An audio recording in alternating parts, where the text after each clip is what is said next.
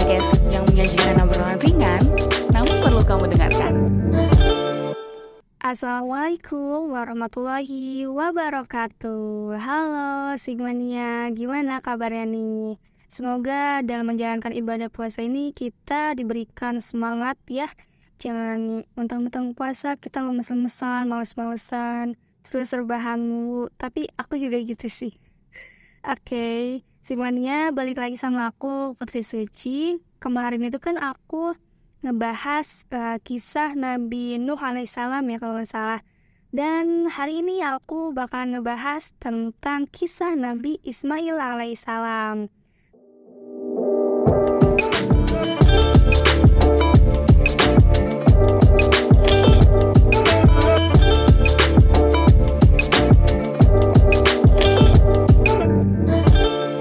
Kisah ini tuh uh, tidak bisa lepas dari Nabi Ibrahim alaihissalam yang merupakan ayah kandungnya. Terutama kisah ini tuh berkaitan dengan munculnya Hari Raya Kurban atau Hari Raya Idul Adha. Adanya kisah dari Nabi Ismail alaihissalam dan Nabi Ibrahim alaihissalam ini menunjukkan bahwa betapa besarnya rasa cinta dari uh, seorang ayah kepada anaknya. Nabi Ismail alaihissalam yang merupakan anak dari Nabi Ibrahim sudah siap menerima agar dirinya disembeli seperti apa yang diperintahkan oleh Allah Subhanahu wa taala. Nah, ada nih kisah Nabi Ismail hijrah menuju ke Mekah. Siti Sarah adalah istri pertama dari Nabi Ibrahim alaihissalam. Tetapi pernikahan mereka berdua belum dikaruniai buah hati. Pada saat itu, usia Nabi Ibrahim alaihissalam dan Siti Sarah sudah terbilang memasuki usia lanjut. Siti Sarah yang menyadari akan hal itu, kemudian memberikan izin kepada Nabi Ibrahim alaihissalam untuk menikah lagi bersama dengan Siti Hajar. Nabi Ibrahim alaihissalam selalu memohon kepada Allah Subhanahu wa taala agar agar diberikan uh, sang buah hati. Doa dari beliau pun dikabulkan oleh Allah Subhanahu wa taala. Pernikahan bersama dengan Siti Hajar dikaruniai satu buah hati laki-laki yang diberi nama Ismail. Nama yang diberikan itu mengandung arti yang sangat dalam menurut bahasa Ibrani, yaitu Isma berarti mendengar dan El berarti Allah. Jadi Ismail adalah Allah Maha Mendengar. Nabi Ibrahim alaihissalam memberikan nama Ismail karena Allah Subhanahu wa taala sudah mendengar dan mengabulkan permohonannya. Nabi Ibrahim alaihissalam melakukan hijrah ke Mekah atas dasar perintah Allah. Beliau melakukan hijrah bersama dengan istri kedua yang bernama Siti Hajar dan anaknya Nabi Ismail alaihissalam. Perintah dari Allah ini muncul karena Nabi Ibrahim mengambil keputusan setelah melihat istri pertamanya kurang senang dengan kebahagiaan yang dirasakan oleh Nabi Ibrahim dan Siti Hajar. Hijrah ke Mekah ini dilakukan dengan menaiki unta dan setelah sampai di Mekah mereka mulai mencari tempat untuk berteduh.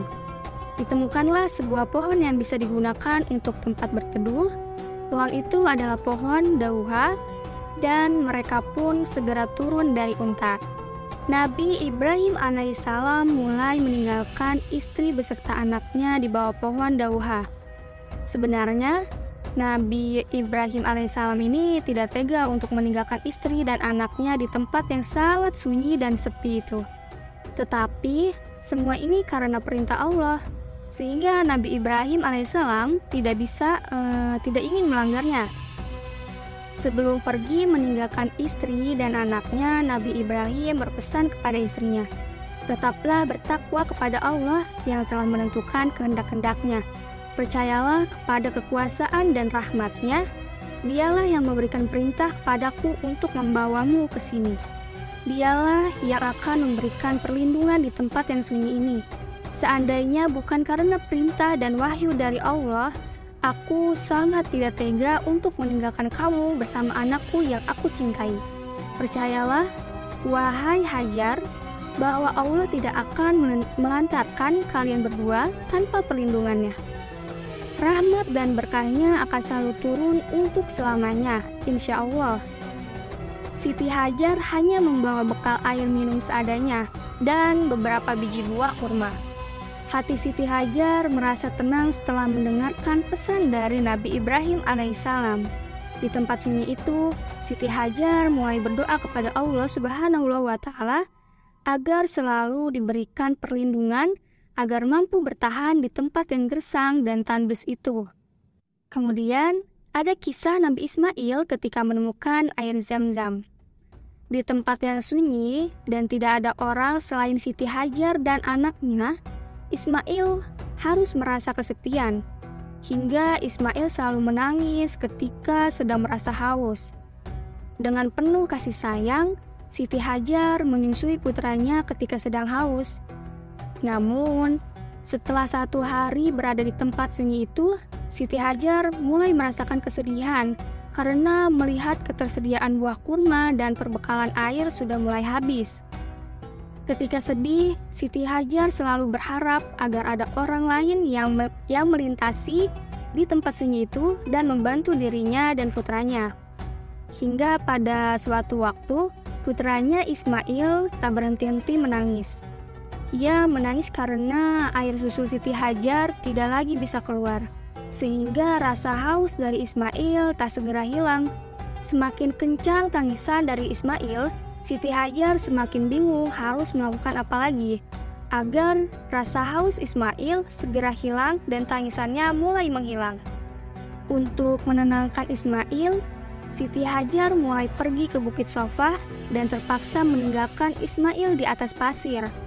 Siti Hajar berharap ketika sampai di Bukit Sofa, menemukan air agar rasa haus putranya hilang. Ketika sampai di Bukit Sofa, Siti Hajar tidak menemukan air yang bisa diminum untuk putranya. Kemudian, beliau berlari untuk pergi ke Bukit Marwah, dan di bukit itu tetap tidak ada air yang bisa diminum. Bukan hanya sekali, Siti Hajar bolak-balik ke Bukit Sofa terus ke Bukit Marwah sebanyak tujuh kali. Tetapi tetap tidak ditemukan air yang bisa diminum. Dan Siti Hajar merasa sia-sia karena tidak menemukan air. Siti Hajar pun kembali menuju Ismail dengan penuh rasa bingung dan cemas karena tidak menemukan air. Namun, Allah berkehendak lain dan menolong Siti Hajar melalui malaikat Jibril yang mengubah wujudnya menjadi manusia. Kemudian, malaikat Jibril mentakkan kaki dengan mengucapkan zam-zam zam-zam, hingga keluarlah air yang cukup banyak dan menyebar dan membentuk sepertiga telaga kecil. Setelah malaikat Jibril pergi, Siti Hajar langsung meminum air zam-zam untuk menghilangkan rasa hausnya. Tak hanya itu, Siti Hajar merasa kenyang setelah minum air zam-zam itu. Dan kemudian beliau menyusui putranya, Ismail. Setelah mendapatkan semua kenikmatan yang bisa dirasakan oleh Siti Hajar dan putranya, Siti Hajar tak henti-henti berterima kasih kepada Allah Subhanahu wa taala. Air Zam-Zam itu memberikan banyak sekali manfaat bukan hanya untuk Siti Hajar dan Ismail saja, tetapi kepada banyak orang seperti rombongan suku Jurhum yang pada saat itu merasakan rasa haus dan bingung mencari sumber air. Seiring dengan berjalannya waktu, semakin banyak orang yang mulai tinggal di dekat air zam-zam itu, sehingga tempat yang tadinya sepi dan sunyi perlahan-lahan mulai ramai dan Siti Hajar tidak merasa kesepian. Ismail, putra dari Nabi Ibrahim dan Siti Hajar mulai bertambah umur dan ia membantu ibunya untuk mengembalakan kambing dan biri-biri ke padang Arafah. Hingga akhirnya Siti Hajar dan Ismail kehidupannya semakin baik, sejahtera, dan aman. Siti Hajar, Ismail dan orang-orang Mekah menjaga kesucian air zam-zam yang sangat suci dan dengan air zam-zam kehidupan masyarakat Mekah semakin menuju kebahagiaan. Adanya air zam-zam menunjukkan akan kasih sayang Allah kepada Siti Hajar dan Ismail. Nah, kemudian ada kisah Nabi Ismail perintah untuk menyembeli Ismail.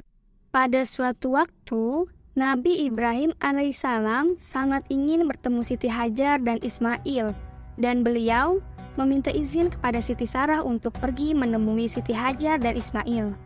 Setelah mendapatkan izin dari Siti Sarah, Nabi Ibrahim alaihissalam mulai beranjak pergi ke tempat di mana beliau meninggalkan istri dan anaknya di tempat yang sunyi dan sepi. Sesampainya di tempat yang dituju, Nabi Ibrahim alaihissalam terkejut karena tempat yang dulunya sepi kini sudah ramai dan dihuni oleh banyak orang, serta kehidupan dari istri dan putranya semakin baik dan sejahtera. Siti Hajar yang melihat kedatangan Nabi Ibrahim alaihissalam sangat senang dan bahagia sekali karena setelah sekian lama tak bertemu. Begitu juga dengan Nabi Ibrahim alaihissalam sangat senang ketika bertemu dengan putranya dan istrinya dan beliau pun langsung mohon maaf karena harus meninggalkan istri dan putranya. Wahai istri dan anakku, maafkanlah aku, selama ini aku tidak pernah melihat keadaan kalian karena harus berdakwah untuk menyebarluaskan kebenaran kepada penduduk di sana. Nabi Ibrahim yang terlalu lelah setelah melakukan perjalanan jauh mulai mengistirahatkan dirinya di Masyrail atau sekarang bisa disebut dengan Musdalifah. Nabi Ibrahim alaihissalam yang tertidur pulas mendapatkan mimpi berupa perintah untuk menyembelih putranya, yaitu Ismail, sebagai kurban kepada Allah Subhanahu wa Ta'ala. Setelah mendapatkan mimpi itu, Nabi Ibrahim alaihissalam segera terbangun dari tidurnya dan berpikir sangat lama sambil berusaha mengartikan maksud dari mimpi menyembelih putranya. Hingga sampai pagi hari ini, Nabi Ibrahim alaihissalam tidak bisa memejamkan matanya dan terus berusaha untuk mengartikan mimpinya itu. Kemudian beliau ingin bercerita kepada istri dan putranya, tetapi takut menambah rasa cemas dan khawatir kepada istri dan putranya. Setelah selesai melakukan aktivitas di pagi hari dan malam pun tiba, Nabi Ibrahim alaihissalam segera tidur untuk mengistirahatkan tubuhnya. Saat tidur itu, Nabi Ibrahim alaihissalam mulai bermimpi mendapatkan perintah untuk menyembelih putranya. Wahai Ibrahim, sembelilah Ismail untuk berkurban kepada Allah Subhanahu wa taala. Sembelilah Ismail sebagai kurban untuk Allah Subhanahu wa taala. Perintah untuk menyembelih itu membuat Ibrahim alaihissalam sangat bingung hingga keringat membasahi keningnya. Hati Nabi Ibrahim alaihissalam pun mulai merasa resah dan gelisah, sehingga beliau mengambil air wudhu dan sholat. Setelah dua kali bermimpi berupa perintah untuk menyembelih, Nabi Ibrahim alaihissalam masih menerima untuk menyembelih putranya yang ketiga kalinya.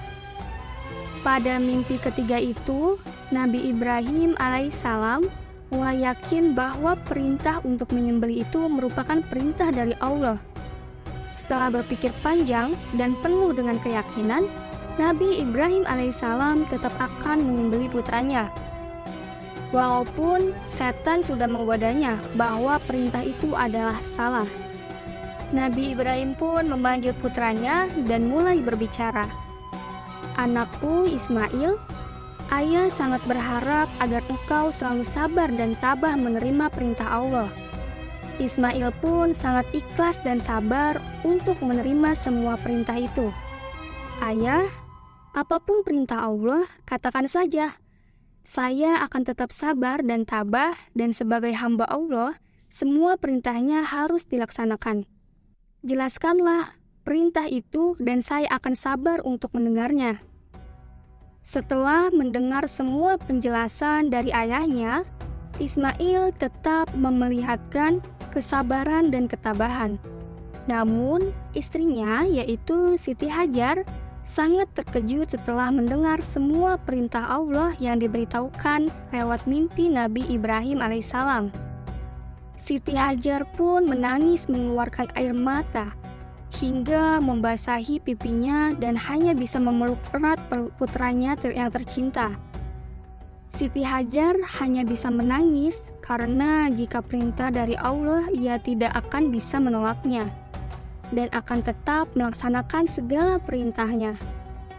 Keesokan harinya, Siti Hajar harus melepaskan putranya untuk dibawa Nabi Ibrahim alaihissalam ke suatu tempat untuk melaksanakan perintah Allah. Di perjalanan menuju tempat yang dituju, Nabi Ibrahim alaihissalam dan Ismail mendapatkan banyak godaan dari iblis agar tidak melaksanakan perintah dari Allah. Namun, dengan penuh keyakinan, mereka berdua tetap melanjutkan ke tempat untuk menyembelih Ismail.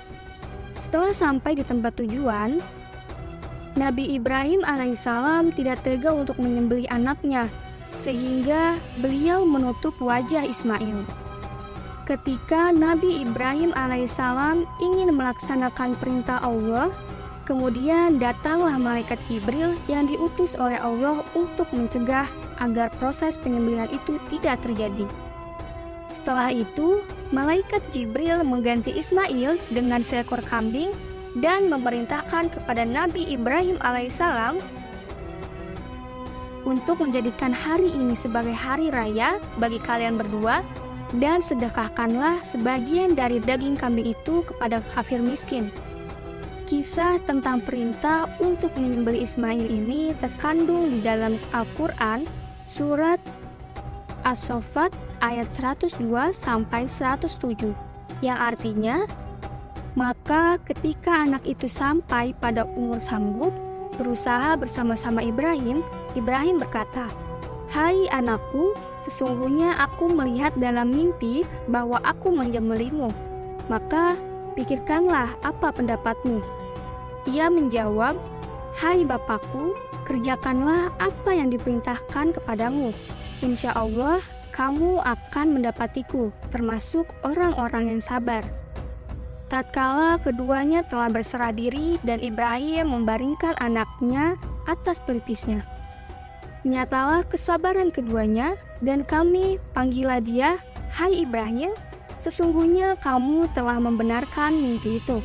Sesungguhnya demikianlah kami memberi balasan kepada orang-orang yang berbuat baik.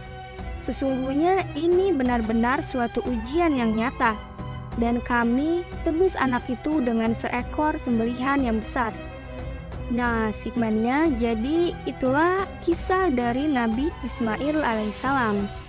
Nah, nilai-nilai kehidupan dari kisah ini, dari kisah Nabi Ibrahim dan Ismail ini, ada beberapa nilai, yaitu yang pertama, selalu menjalankan segala perintah Allah walaupun perintah itu sulit untuk diterima oleh akal manusia.